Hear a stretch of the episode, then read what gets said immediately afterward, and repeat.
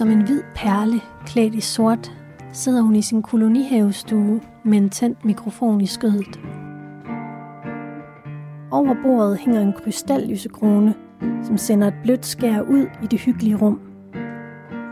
Der er faktisk ikke noget, der i den her stue afslører, at der her har udspillet sig et drama.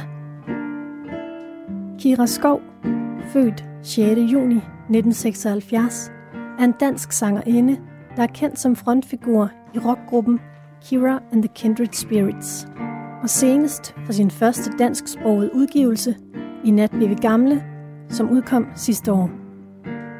Listen af priser, præmier, legater, omtaler og udgivelser føles uendelig. Kira Skov er 43 år og en af de største sangerinder, vi har herhjemme. Kiras liv har, som hun selv siger, været fuld af dramaer, og du skal nu høre fortællingen om et af de største. Ah, fuck. Ja. Vi tager den en gang til. ja. Den skifter anden gang, skifter den. Jeg skifter den lige til. Ja. Okay. Sorry. Ja. Okay. Du lytter til reportagen Meldt savnet. Du er mit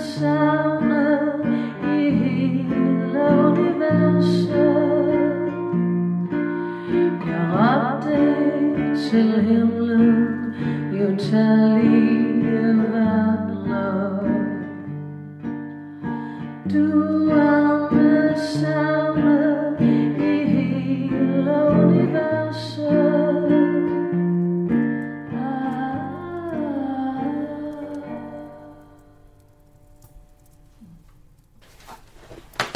Ja, det er et ret fantastisk billede, det her, ikke? Jeg skrev en sang, der hedder Try to look into your eyes in a photograph today, som ligesom handlede om det her. Der var vi sådan helt nyforelskede her på det her billede. Hmm. Jamen, det var ude øh, hos nogle venner ude på Amager. I deres, herude på Amager, faktisk i et hus. Hmm. Nikolaj, han ligger sådan i min arm. Jeg sådan dufter til hans hår, og han kigger direkte ind i kameraet. Hmm. Ja, det er sådan, der er så meget kærlighed og ømhed i det, synes jeg. Han er smuk. Han ligner også Morgan, vores søn, synes jeg. På det.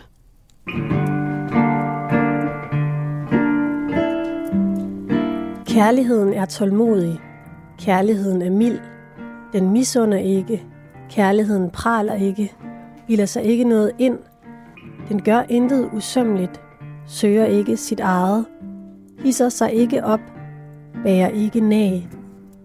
Den finder ikke sin glæde i uretten, men glæder sig ved sandheden. Den tåler alt, tror alt, håber alt, udholder alt.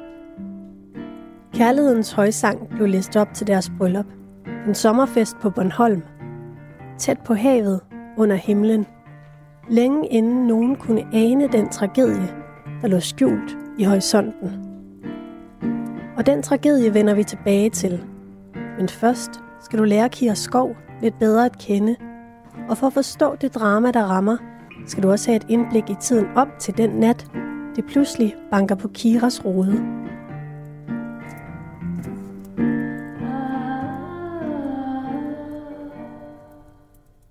Jamen altså, lige nu der sidder vi i min stue, i mit, øh, i mit hjem, øh, i en haveforening på Amager, hvor jeg har boet i syv år. Og øh, det var et hus, jeg købte sammen med min mand, da min søn var spæd. Ja, så hele hans liv, stort set, har været, har været her. Morgans liv, ja.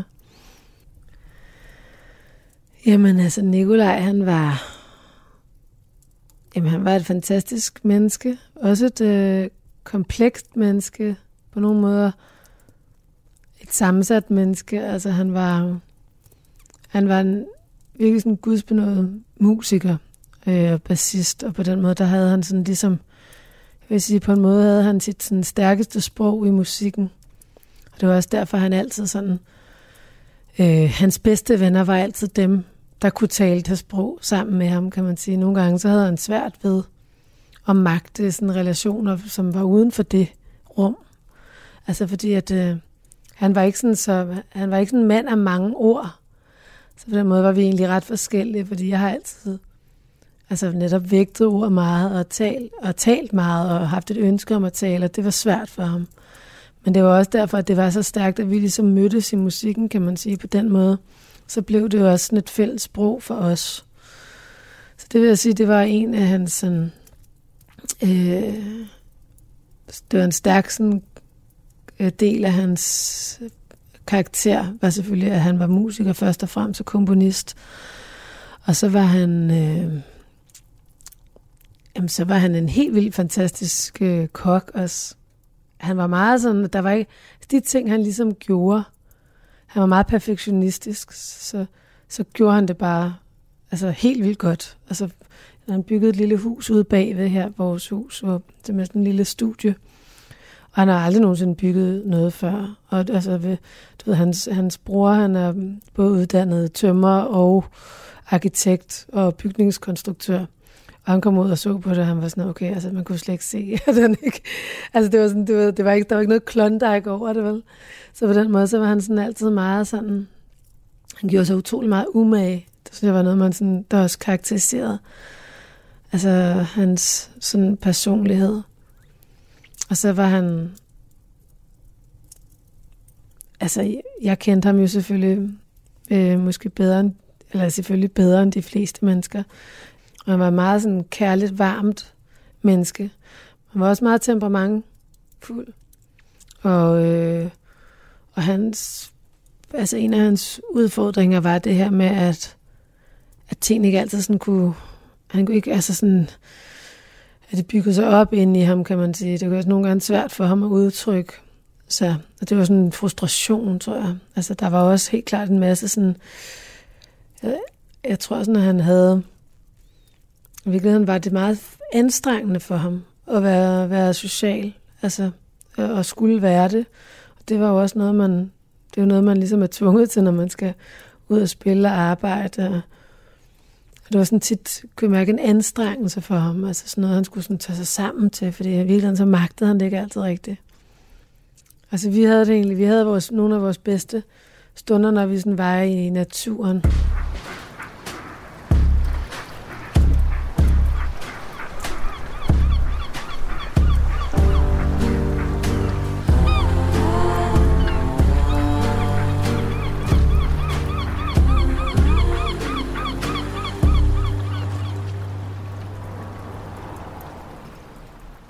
Gik altid meget langt, og det var sådan en måde at være sammen på, som var, det var noget, vi havde til fælles. Vi kunne bare blive ved med at gå. Så var man bare sammen. Altså, vi var gode til at være sammen, sådan ved siden af hinanden. Og følges ad, og jeg tror, vi sådan supplerede hinanden godt, fordi vi også var meget sådan selvstændige i vores... Vi havde begge to også et stærkt behov for at altså kunne dykke ned i vores eget sådan privat rum og sådan skabe det der. Jeg tror, der var sådan en, en forståelse og en genkendelse imellem os på den måde, at vi begge to havde brug for det med at kunne fordybe os, og det, og det kunne vi begge to give plads til i vores forhold, uden sådan, at det var noget, man behøvede nærmest at snakke om eller stille krav omkring. Det var sådan en naturlig ting. Vi var meget forelskede, altså, da vi mødte hinanden, og i, i mange år var det sådan helt, altså, det var en stor kærlighed.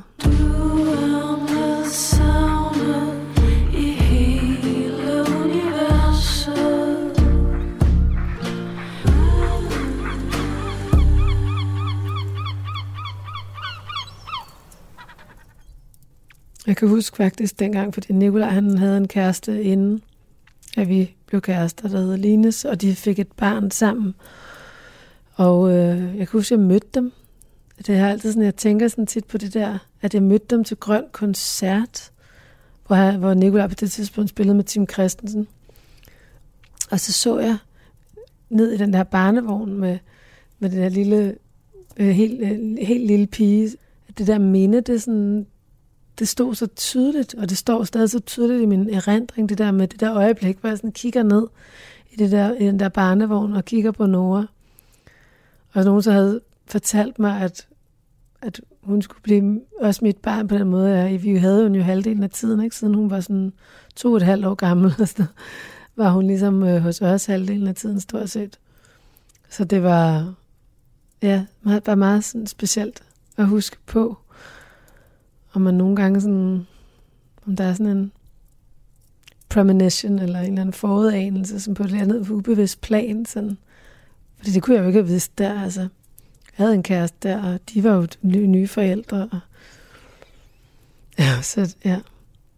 Så de var gået fra hinanden. Jeg havde været fra hinanden et år, da vi så indledte vores forhold. Og vi blev hurtigt meget tætte. Altså, vi,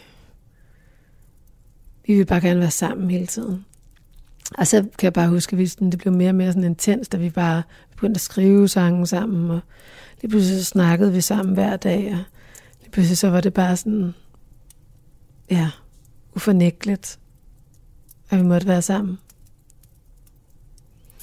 Og så trodsede vi nærmest en, en hel sådan snestorm for, for at mødes der efter øh, juledagene der. Ja, det har jo været så været, har det været 2005 måske? Så det må have været. Ja, så kyssede vi hinanden en, en vinternat oppe i min mormors gamle sommerhus oppe i Nordsjælland. Ja, og så var der ikke nogen vej tilbage. Ja, lad os se.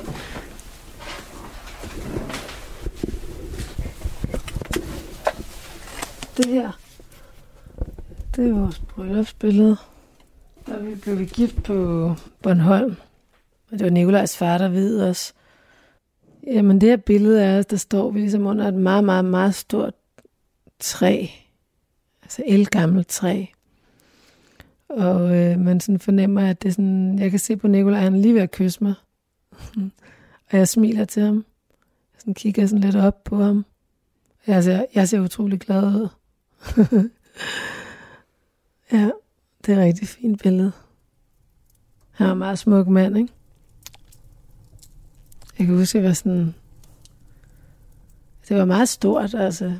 Jeg, var, jeg tror ikke rigtig, jeg havde sådan forstået sådan vægten af det at blive gift, før jeg stod der, hvad det egentlig ville betyde. Sådan det der med, at man stod foran hinanden og, og lovede hinanden det her, sådan med alle de her vidner.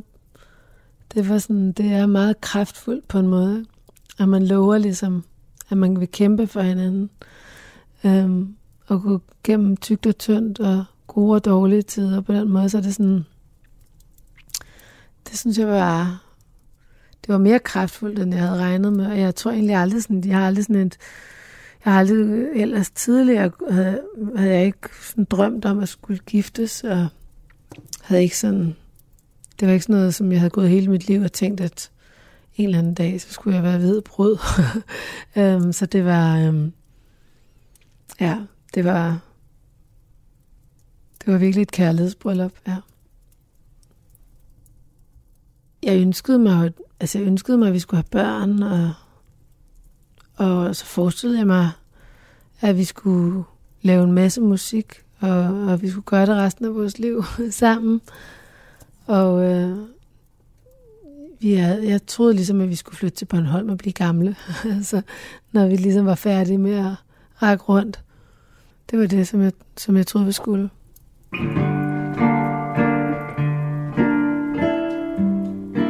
Det var det, hun troede, de skulle.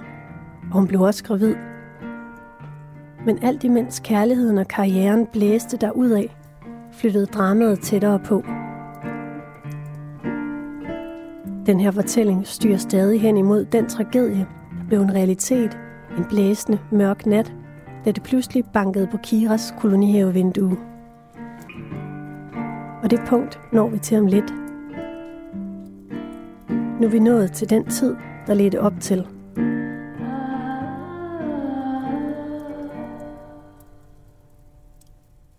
Man kan sige, inden vi fik Morgan, Nikolaj og mig, der var det jo sådan, der havde vi jo et, sådan et liv, der havde, vi havde Nikolajs datter halvdelen af tiden. Og så havde vi jo så en uge, hvor vi ikke havde nogen børn. Så på den måde, så havde vi jo sådan mere tid til hinanden, og det var sådan mere på en eller anden måde... Altså vi havde måske, ja, jeg tror det er klassisk, at man ligesom, når man så får børn, så når man så får et barn, et, et lille barn på fuld tid, så er man jo bare presset i starten. Altså, så det var udfordrende for os til at starte med. Og det var svært for Nikolaj nogle gange at magte. Altså i tiden frem til Nikolajs, altså det år, der ledte op til Nikolajs død, det var et svært år. Vi havde sagt ja til at medvirke i sådan en forestilling på Aarhus Teater, som skulle, efterfølgende skulle rykkes til Avenue i København, sådan en, altså sådan en uh, teaterkoncert med Johnny Cash materiale. Uh, og det var sådan noget godt, jeg tror 80 forestillinger eller sådan noget. Så vi havde ligesom, uh, vi blev nødt til at rykke til Aarhus, og så var der så prøveperioder næsten to måneder og forestillinger halvanden måned eller sådan noget. Og så en kort pause på to uger eller sådan noget, og så startede det op i København. Så det i sig selv var sådan enormt udfordrende, fordi vi, vi skulle flytte væk fra hele vores netværk, og vi, vi blev nødt til at hyre sådan nogle unge piger til at hjælpe med Morgan, fordi at vi, skulle på, vi havde forestillinger seks dage om ugen. Og samtidig så var jeg så der i starten af året, starten af 2016, taget på sådan en roadtrip til Estland sammen med Maria Faust.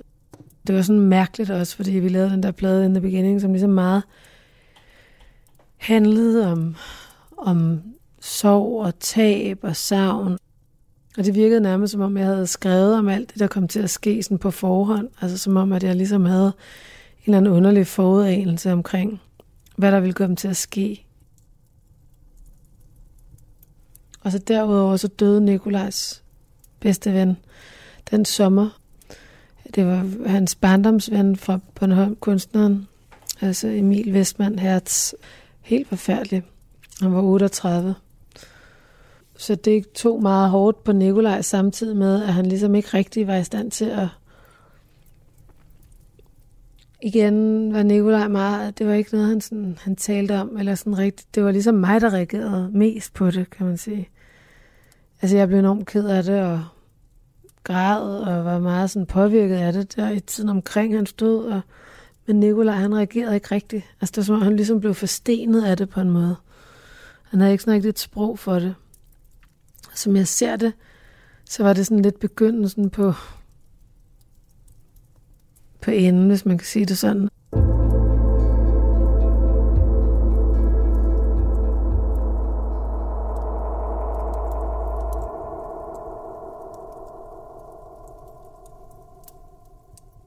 Det var en meget hård, meget hård tid, og vi var ligesom under hårdt pres, og vi arbejdede for meget, og, og sådan mange, mange meget intense ting. Og øh, i den sidste tid op til øh, Nikolajs død, så var han så begyndt at tage nervemedicin. Og han blev simpelthen psykotisk af det her medicin. Blandet det med alkohol. Så han begyndte at forsvinde mere og mere. Og det, det var meget, meget, meget hurtigt. Sådan, ja, det rodet, kan man sige. Jamen, øh, han blev sådan utilregnelig, og han blev meget rasende og vred, og, og han var ligesom bare ikke sig selv, altså. Og så fik han ligesom sådan nogle blackouts, hvor han ikke kunne huske, hvad han gjorde. Så det var sådan meget uhyggeligt jo at være vidne til og utrygt for os alle sammen. Og at være omkring. Så vi var faktisk i gang med, at han ligesom skulle have hjælp til det og sådan noget, inden han så endte med jo at, at dø.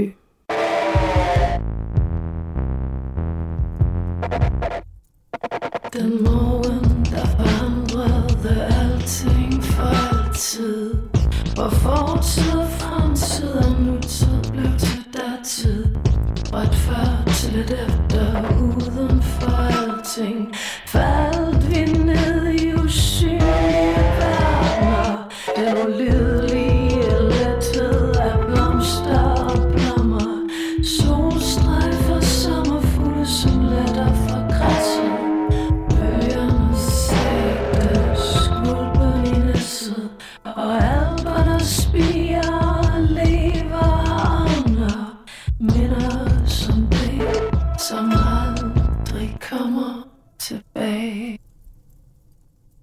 Havde faktisk sat alt muligt i gang, for han skulle i gang med, at han ligesom skulle have hjælp. Og vi skulle have hjælp til at, til at forvente skuden. Og det var også derfor, han ikke var hjemme, da han døde. Han var hjemme hos en ven. Han sov hjemme hos en ven, som så fandt ham nede i hans kælder. Simpelthen.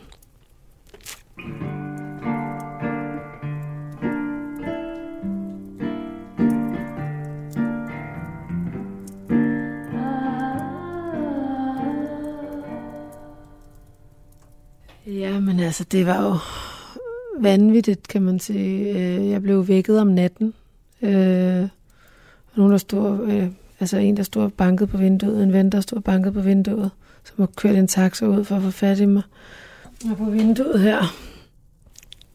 Ja, det var helt utroligt uhyggeligt. Og så stod hun bare og skreg, altså, at Nikolaj var død, og jeg forstod slet ikke, hvad hun snakkede om. Altså, jeg troede ikke, det var Nikolaj, der var død, og jeg var meget som, så må de jo tage ham ud på hospitalet. Altså, jeg kunne ikke forstå, at hun. De kan jo godt tage ham ud på hospitalet, det kan de vel godt gøre. Altså, så men det kan de jo ikke, han er død. Sådan. Og så den der oplevelse af, at jeg ligesom bare begyndte at falde. Altså, at jeg ligesom blev ved med at falde, og jeg ligesom måtte holde fast i, i sådan både øh, stoleben og bordben og kravlede rundt og så løb ud i natten, hvor hun så blev med børnene, der lå og sov.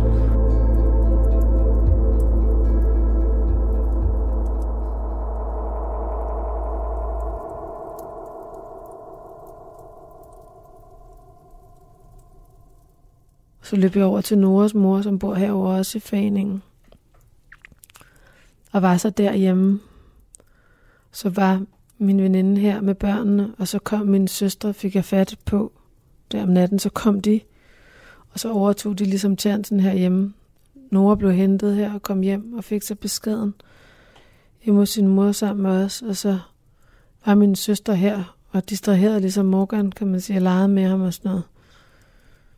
Og han har jo sikkert tænkt, det var også helt vildt mærkeligt. Altså de her to moster, der lige pludselig bare leger og leger og leger, sådan helt manisk leger. Og jeg var dernede, og jeg ved ikke rigtigt. Jeg var nok kommet derhjem klokken 3 om natten, og jeg tror ikke, jeg kom hjem før klokken, måske var klokken 5 eller sådan noget. Eller måske var det senere næste eftermiddag. Det var i hvert fald mørkt, kan jeg huske. Altså, det, det, det var ubærligt for mig at skulle komme med den her besked til Morgan. Det man skulle prøve at finde ud af, hvad jeg skulle fortælle Morgan, hvad der var sket. Det var, altså, det var det sværeste. Det er det sværeste, jeg nogensinde har skulle gøre i mit liv. Også i forhold til det med, hvordan forklarer du det til et barn, som er fire og et halvt år gammel. Det er jo meget sådan svært at, hvordan er han død, og hvorfor er han død, og, og far har ligesom, det med, han havde spist noget, skulle man sige, han havde spist noget, ville han så blive bange for at spise, eller han havde taget noget, som han ikke vidste, han ikke kunne tåle, han havde taget for meget af det, og øh, alle sådan nogle ting, ikke? så det var sådan meget sådan, han havde taget noget medicin, som han ikke vidste, han ikke kunne, øh, altså som han ikke vidste, han ikke, øh, han ikke kunne tåle, og derfor så var han så død. Men det, det startede så med, at jeg kom hjem der, og og så gik vi sammen. Jeg kunne huske, gik sådan en helt flok, og der var sådan, ligesom om de gik og holdt mig oppe nærmest. Kan jeg huske den der oplevelse at gå sådan gennem, gå gennem natten der, eller mørket igen, ligesom der var. Jeg løb jo også afsted om natten der, det var hele tiden mørkt, altså det døgn der. Sådan husker jeg det. Det var jo simpelthen det mest uhyggelige det med at blive vækket på den måde, det er jo sådan et enormt traume øjeblik, ikke? At blive revet ud af søvn, og så få sådan en besked midt om natten, og det er bare sådan en februar nat, ikke? Hvor, altså, hvor det blæser helt vildt, og det er koldt og mørkt, og det var bare så sindssygt uhyggeligt, altså. Og så kom hjem og skulle fortælle det til Morgan, det var jo, det var jo sindssygt. Altså, men jeg sagde til ham, altså, jeg har noget, jeg sagde bare, mor har noget meget svært, hun skal fortælle dig lige nu. Altså, jeg holdt om, ligesom om, om så sagde jeg, at, at far, han kommer ikke hjem, og han fars krop er død, sagde jeg. Og så kravlede han ind under bordet, og så lå, sad han derinde under en stol. Så kom han ud igen, og så lå han ligesom bare, ligesom nærmest en helt, ligesom, som om man ville kravle ind i min livmor igen, eller sådan noget, bare helt sammenkrøllet, og svedt helt vildt, og sådan kald på, kald på sin far. Og så faldt han i søvn. Og så lå vi sammen bare sådan helt tæt op på sofaen et stykke tid.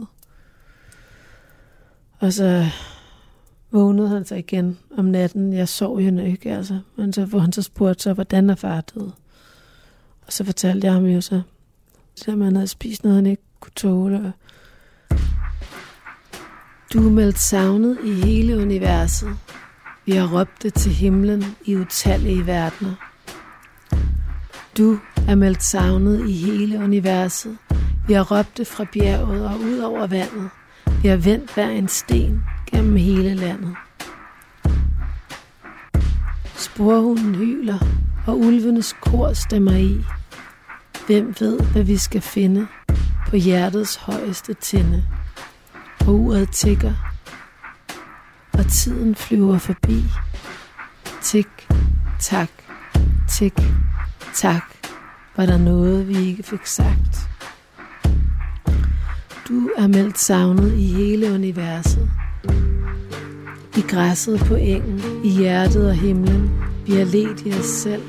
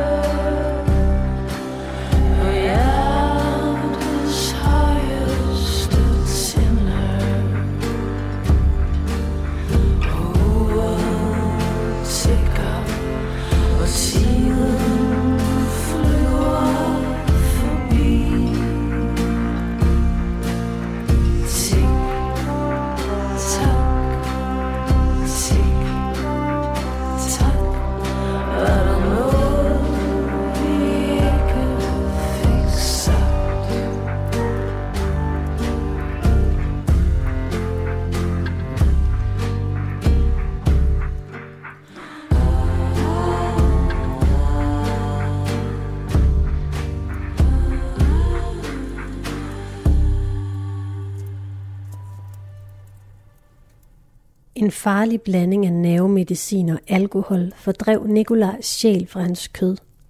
Efterlod en livløs krop på et gulv i en kælder hos en ven.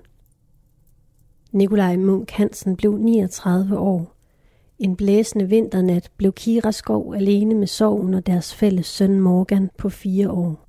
Det er noget, der ryster alles verden, når man er lille, at få bevidstheden om som barn, at når Morgans far kan dø, altså kan mine forældre så også dø, og alle de der sådan, tanker, som man ellers ikke gør sig, altså når man er så lille. Det er jo ikke noget, man normalt går rundt og bryder sin hjerne, men man tror jo bare, at ens forældre, de er der, og de vil altid være der. Medmindre det bliver ens erfaring, at det er det ikke nødvendigvis. Så det har jo været sådan noget, de i fællesskab har skulle bearbejde. Og det har de ligesom leget meget. De har leget lege, hvor de har leget, at der var nogen, der døde, og der var en mor og så en far, og både moren og faren, der døde, og hvor de så skulle bo henne, og sådan noget, så, skulle de så kunne de så bo hos hinanden måske, eller der var måske også den her moster, eller sådan noget. Det var sådan, man kunne høre sådan, at det var sådan, at de sådan har gået sådan og fået styr på det med dem imellem sig på en måde. Den her lille gruppe herude i haveforeningen der, de ved ligesom, de, de har hinandens ryg, ikke? Og så har, så har Morgan ligesom haft den her sådan meget stærke sådan overbevisning om, Og det tror jeg egentlig også er meget kraft af den måde, jeg sagde til ham, at, at fars krop er død. Og i det, jeg sagde det på den måde, så var der jo også en eller anden et eller andet håb, eller måske en mulighed for, at det ikke var hele Nikolaj, der var forsvundet, eller som, som var død. Og der måske var en del af Nikolaj, der levede videre på en måde. Øh, og så han har sådan en meget sådan stærk øh, forestilling om reinkarnation, altså at det der med sådan, at vi får en ny krop, og, og ja, at vi bliver ved med at få nye kroppe, og, og det er sådan meget sådan, jeg kunne huske, at det var, der var gået nogle måneder efter Nikolaj døde, hvor en af hans venner så spurgte ham sådan, skal du så have en ny far? Og så han, nej, det troede han ikke, fordi han kunne ikke nå at vokse op. det synes jeg var sådan ret fint at forestille sig, ikke? Det der med sådan, der var sådan det der med, så ville han jo være mindre end ham, eller sådan, det ville jo ikke kunne lade sig gøre. Så det må ligesom vente til næste runde, eller et eller andet, ikke? Ja. Og det har jeg ligesom bare, den, kan man sige, den forestilling, eller det billede, har jeg jo, det har vi bare sådan dyrket sammen. Tror jeg er fint at gøre. Der gik jo også nogle måneder, tror jeg, det må have været. Det kan jeg faktisk stadigvæk ikke rigtig selv helt huske, men, men min søster havde jo ligesom lavet sådan, en, øh, sådan et schema. Og sådan, så der altid var nogen, der ligesom holdt vagt hos mig og var her. Og nogen, der købte ind og hjalp til og var boet her og hjælp hele tiden. Indtil jeg så på et tidspunkt frabad mig, at der skulle være nogen hele tiden. Jeg ville gerne prøve lige at være alene igen. Og så jamen, det er også fint nok, men altså, de er hele tiden på standby, så kunne jeg bare ringe. Øhm, så jeg skulle bare lige vide, at når det var onsdag, skulle jeg ringe til Anna, eller hvis det var fredag, var det Marie, eller du ved. Så det var jo også enormt stærkt. Men jeg tror egentlig, altså det her, man kan sige, at huset, jo, der var, en, der, der var nogle traumatiske minder. Øh, der er nogle meget traumatiske minder, men der er jo også altid, der kom for inden, og, og så er der netop også hele det her fællesskab, som jeg så også oplevede, var meget unikt ved at bo her. Altså, at naboerne hjalp, og på den måde ikke var sådan alene. Altså, så på den måde, så var det også sådan, altså det ville have været endnu et voldsomt tab for Morgan i særdeleshed, hvis vi var flyttet herfra efterfølgende. Fordi det var ligesom sådan en base, der var sådan noget trygt, som han kendte med alt, alle de her mennesker, der var her. Og hvis han både havde mistet sin far, hvis jeg også skulle flytte, det ville have været helt vanvittigt. Så på den måde, så tror jeg, det var noget med ligesom at lave, lave nogle ting om. Ikke? Altså jeg fik sat sådan en glasdør i derinde. Det var vores gamle soveværelse. Det var Noras værelse. Og så har jeg rykket derind og fået soveværelse derinde, og det rum er blevet helt anderledes. Så ændret nogle ting i huset selvfølgelig, som markerede et skifte. Der er den her sang på pladen, som hedder Soven sover. Og det er lidt sådan en... Jeg tænker, det er en slags sovevuggevise på en måde. Det er sgu ikke nødvendigvis en sang, du synger til dit barn, når de skal sove, men jeg synes ligesom, at den, den formidler nogle af de spørgsmål, som et barn stiller til sine forældre i den situation. Altså når de ligesom som Morgan har, har stillet til mig. Ikke? Altså, hvor går sjælen hen? Altså, får vi nye kroppe, mor? Og de her spørgsmål, som han ligesom har stillet mig undervejs. Så det var sådan en sang, der bare kom sådan bang. Så var den bare, skrev den på 10 minutter nærmest, ikke? Det er sådan noget, lidt nogle gange med sange, som om de dumper ned fra himlen. Og andre gange, så er det sådan noget, du sidder og nørkler med i timevis, ikke? Sover,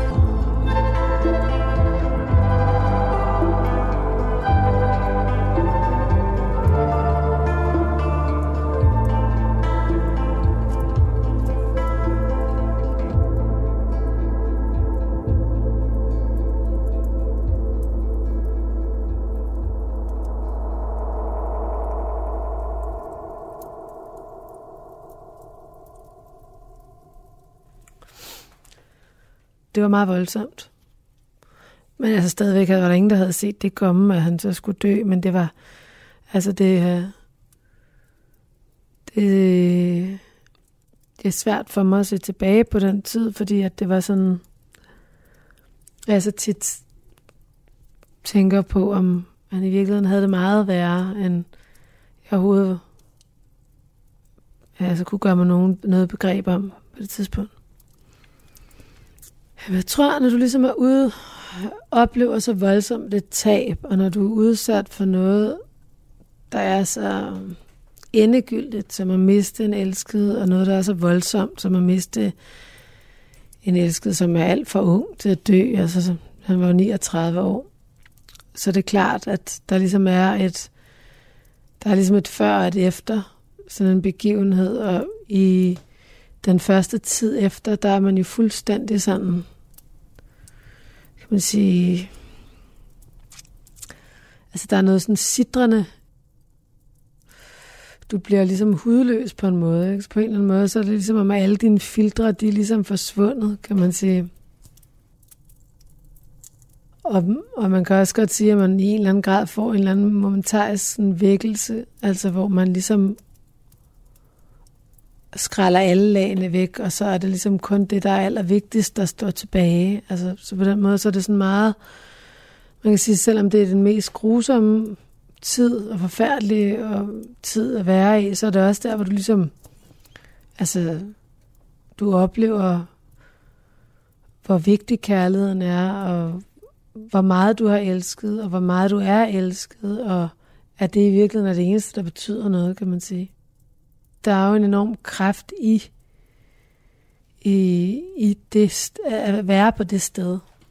Og det er jo ligesom sådan en indsigt i noget, som er som er flygtigt, kan man sige, for du kan heller ikke være der hele tiden. Du kan ikke leve på det sted hele tiden. Det er også for intenst at leve der hele tiden. Altså, du må også vende tilbage til et liv, hvor at, at hverdagen ligesom får lov til at fylde igen, og det er de små petitesser og ting, som, som kan få lov til også at blive store nogle gange. Og, altså, men lige der, det sted, der er, der er alt, alt sådan noget, som du ellers kunne have gået og bekymret dig om, eller beskæftiget dig med, som kunne være forfængelighed, eller forestillinger om, hvad andre mente, eller det er fuldstændig lige meget. Og man kan sige, i oplevelsen af også at skulle rumme noget, som er så så voldsomt og så stort, så bliver du også nødt til ligesom at ekspandere i en eller anden grad for at ligesom at kunne, ja, for simpelthen at kunne bære det. Så på den måde, så får du også en, en udvidet empati og forståelse for andre mennesker. Altså faktisk, tror jeg, er en af de gaver, du får. Altså pakket ind i det her redselsfulde gavepapir. altså at du ligesom sådan, altså du kan tilgive ting nemmere, og du kan forstå, hvorfor folk handler, som de handler, og der er ligesom sådan en, det var i hvert fald min oplevelse. Det var ligesom kærligheden og fællesskabet, der var det vigtigste. Da jeg stod der på det sted.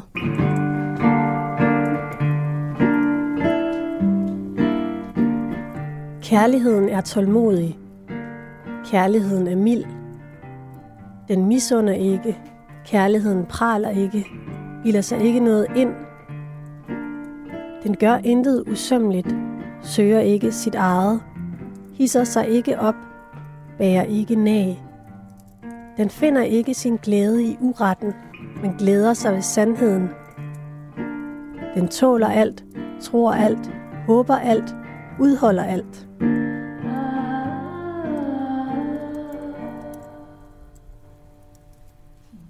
Der er mange, der ligesom har spurgt mig, hvorfor var du ikke, altså hvorfor, hvorfor er du ikke vred? Altså hvorfor er du ikke mere vred? Altså, øh, du er blevet totalt ladt i stikken, og du er blevet svigtet, og hvordan kunne han gøre det, og hvordan kunne han... Og nu skal jeg så lige understrege, at Nicolaj han døde af en overdosis, men det var jo, altså, det var jo en utilsigtet sådan øh, overdosis. Så det var jo ikke noget, det var jo en ulykke, kan man sige. Men stadigvæk kan man sige, det er jo forsvarligt øh, alligevel i en eller anden grad, når du, når du har børn og, og en familie men det var ligesom om, at jeg bare ikke fik nogen energi fra, den, fra det sted. Altså, selvfølgelig kunne der godt være sådan øh, øjeblikke, hvor jeg kunne være vred, men det var ikke noget, der fyldte noget i forhold til min kærlighed til Nikolaj, som ligesom var, var det, der ligesom har båret mig igennem og gjort det tåligt. Altså, at kunne være i den her sorg, der har været at omfavne og, og, og, og være i, i, de, i den følelse af kærlighed. Og tilgivelse også, faktisk. Altså fordi, jeg kunne ikke bruge, jeg kunne ikke bruge den der vredens energi. Den var ikke øh, stærk. Den havde ingen, den havde ingen kraft i forhold til det andet i hvert fald. Det var i hvert fald det, jeg erfarede. Det skete meget naturligt, helt af sig selv, faktisk. Det var ikke sådan noget, der var sådan fortænkt, eller jeg, sådan, jeg får, at jeg tænkte mig frem til, eller sådan, at det var nok sådan, jeg skulle håndtere det. Det var bare sådan, det skete. Når, når der så kommer tiden, der følger efter den der, den der tid, som er i det første år efter, efter dødsfaldet, øh, så vender du også tilbage i en måske sådan lidt mere apatisk periode, altså oplever sådan, hvor man bliver mere sådan, altså, og også sådan lidt nå, altså, hvor man kan gå helt ud i den modsatte, altså, grøft, ikke? Is that all there is? Eller hvad betyder det alt sammen? Og, hvor, altså sådan, du ved, komme ud i sådan nogle tanker, som også kan, kan være mørke og tynget og og det tror jeg sådan lidt er sådan en pendul, du må svinge imellem de første år. Altså efter sådan en ulykke. Indtil det finder sådan et leje. Men overvejende set vil jeg stadigvæk sige, at, at jeg ikke er vred på Nikolaj. Altså, det har jeg egentlig ikke været rigtigt på noget tidspunkt. Jeg ved ikke rigtigt om, altså man kan sige, der er jo sådan forskellige teorier om, at vi er her for at lære noget specifikt. Altså, øhm, jeg vil da sige, at jeg synes, jeg skulle lære mange ting, bare i det her liv, og hvis vi har flere, så, så er det jo spændende, hvad, hvad der så yderligere er i vente. Men altså, øhm, jeg vil sige, at min erfaring har været, at jo mere jo mere sådan modgang, og jeg har været igennem, jo mere rummelig er jeg blevet som, som menneske. Altså, øh, og sådan har det egentlig været. Jeg synes, jeg var, da jeg var teenager, var jeg, var jeg egentlig ret hård. Altså, nu synes jeg ikke, jeg er særlig hård mere. Altså, det er ligesom om, at jeg er blevet banket godt og grundigt igennem, og nu er jeg egentlig sådan rimelig sådan blid det meste af tiden. øhm, og det har egentlig været de smæk, jeg skulle have, tror jeg, for at jeg kom derhen. Så det har været en god ting for mig. Altså. Men det er jo også et spørgsmål om perspektiv. Og det er jo ikke, det kan man ikke vide, altså hvad, hvad man, hvordan man, hvad man er udstyret med af, for et sind, og hvor det så i øvrigt kommer fra, og hvad der afgør det. Det kan også være svært at gisne sig frem til, ikke? Altså er det noget fysiologisk, er det kemi, er det øh, noget, vi sådan, øh, har arvet på celleplan, er det, er det en sjæl, er det du ved, det, det ved vi jo ikke. Der tror jeg måske, jeg har været privilegeret ved at trods alt, at uh, selvom man, man måske nogle gange kunne opfatte mig som, at jeg sådan har dyrket en eller anden form for melankoli og et mørke i min musik, og så er jeg egentlig sådan meget sådan optimistisk menneske, tror jeg alligevel, at man kan sige, at det har jo, at det alligevel er sådan en grundsten i, i mig, at jeg, at jeg altid alligevel tror på, på det bedste.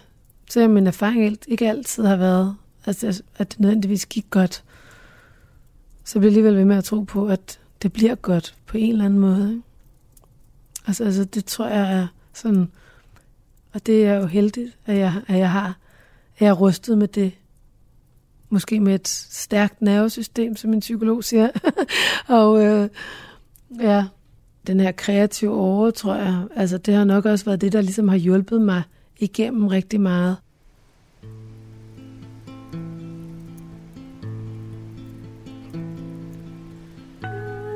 Altså, jeg ved slet ikke, hvordan jeg ville have håndteret tabet af Nikolaj, hvis jeg ikke ligesom havde kunne skrive om det og få det ud i musikken. Og på den måde, så har jeg ligesom også haft et rum i musikken, hvor jeg kunne få afløb for at kunne skabe noget smukt ud af, af, af noget, der var mørkt. Kunne give det en form for skønhed. Jo mere musik jeg har lavet, jo bedre har jeg haft det sådan i mit private liv.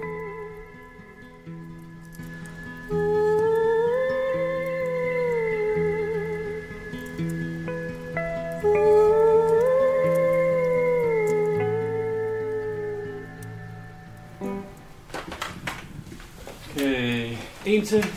Ja. Skal vi tage... Øh... Udsolgt. Ja. Starter vi i hvert fald ikke.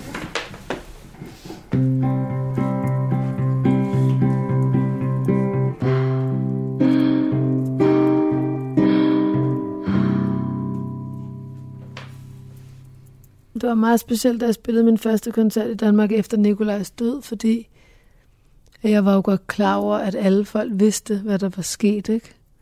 Der fik jeg jo lidt den her oplevelse af, at sådan folk på en måde sådan sad og holdt vejret, ikke? Altså, at øh, folk var ligesom... De kunne ikke finde ud af, om de skulle, hvordan de skulle forholde sig og tolke. Øh, jeg kunne mærke, at der var sådan en slags anspændthed i rummet. Så jeg fandt meget sådan hurtigt ud af, at jeg blev ligesom nødt til at i tale at det her på en måde. Bare sige, altså ja, jeg ved jo godt, at jeg har mistet min mand, og, og jeg har ligesom i den her periode, så derfor også skrevet de her sange til Nicolaj som en måde at holde det ud på. Og ligesom i det, at jeg ligesom i tale det, der var det som om, at folk slappede af, og vi ligesom rykkede lidt tættere på hinanden. Det gjorde også, at Ja, det var meget særligt. Jeg spillede jo en turné med sådan noget 22 koncerter eller sådan noget, sådan et halvt år efter Nikolaj døde. Men det var også meget helende faktisk, at være ude på den tur der. Fordi at øhm, jeg både spillede de her sange, nogle af de sange, jeg havde spillet til, skrevet til Nikolaj, nogle af de helt nye ting, og men bare sådan det møde med publikum, som var meget sådan stærkt. Ja. Gør den bare. Tigger, og tiden flyver forbi. Tik,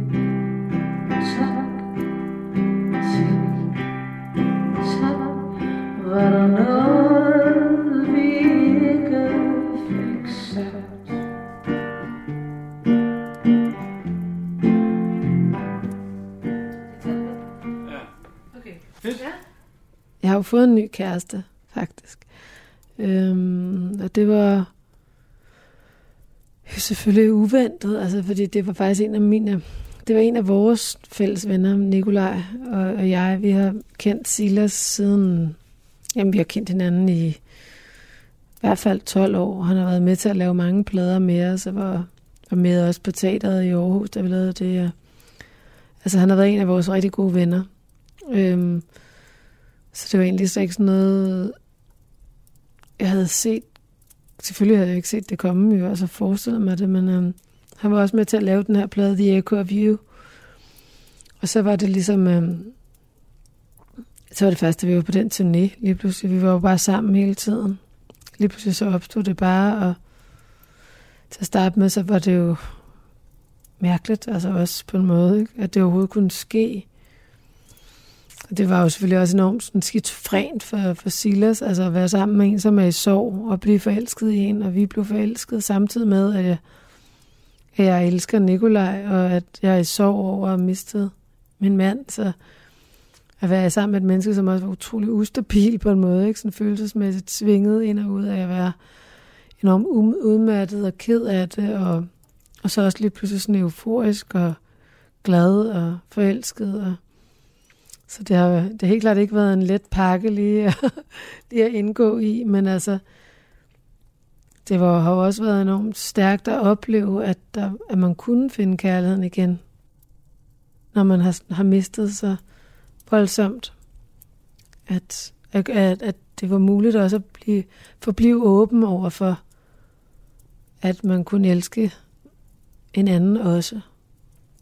Det var meget sjovt, for her den anden dag, så sagde, så sagde Morgan, øhm, sådan noget med vores, mig, jeg går med den her hvilesring, og hvorfor jeg altid går med den, og sådan, så sagde jeg, det er jo fordi, at, at jeg, altså, jeg, at det, det er et minde om Nikolaj, og så sagde han, hvor længe har du haft den, og sådan noget, Jamen, så sagde jeg, Jamen, altså, den, den har jo haft mange år, vi var jo sammen, altså, det, den har jo måske haft, vi var jo sammen med 13 år, så sagde Morgan, men I er jo stadig sammen. det synes jeg var meget fint. Samtidig med, at han også er meget sådan anerkendende af Silas som en ny sådan figur i forhold til sådan en, en, en eller anden form for forældrerolle. Fordi sådan nogle gange, der, så, så hans gode ven Thor herude for haveforeningen, så snakker de ligesom om det der med, hvad de har fået fra deres mor og far. Så har du fået noget fra din mor, og så sagde så den anden dag, jeg har fået noget fra min mor og fra min far. Og så sagde Morgan sådan, ja, jeg har fået noget fra Silas, og fået noget fra min far, og så har jeg fået noget fra min mor og det synes jeg faktisk er meget fint, det der med sådan, han har ikke fået blod og kød øh, fra Silas, men han får jo noget andet fra ham. Ikke? Og han bliver jo en slags... Altså, det er jo noget andet, end at komme ind og være sådan en, hvis, hvis to mennesker er skilt, og der kommer en ny... Altså, det er jo en anden rolle, du på en måde skal udfylde i det, der ikke er nogen levende forældre. Ikke? Så på en måde, så, så det er klart, det giver jo også en eller anden tryghed, at der er en eller anden en mand, han også kan spejle sig i, som lever lige nu, og som gerne vil ham. Og som også har valgt ham, ikke? Så ja, det har været, en, det har været meget dejligt, og selvfølgelig også hilende for mig, at, at have det forhold her. Og være i det. Vi har jo lavet hele den her danske plade meget sammen, ikke? Og det er jo fantastisk at være sammen med en, som elskede Nikolaj også. Altså, så man kan også godt dele det savn. Og samtidig så også skabe noget nyt sammen. Og så går den skifter den der, ikke? Den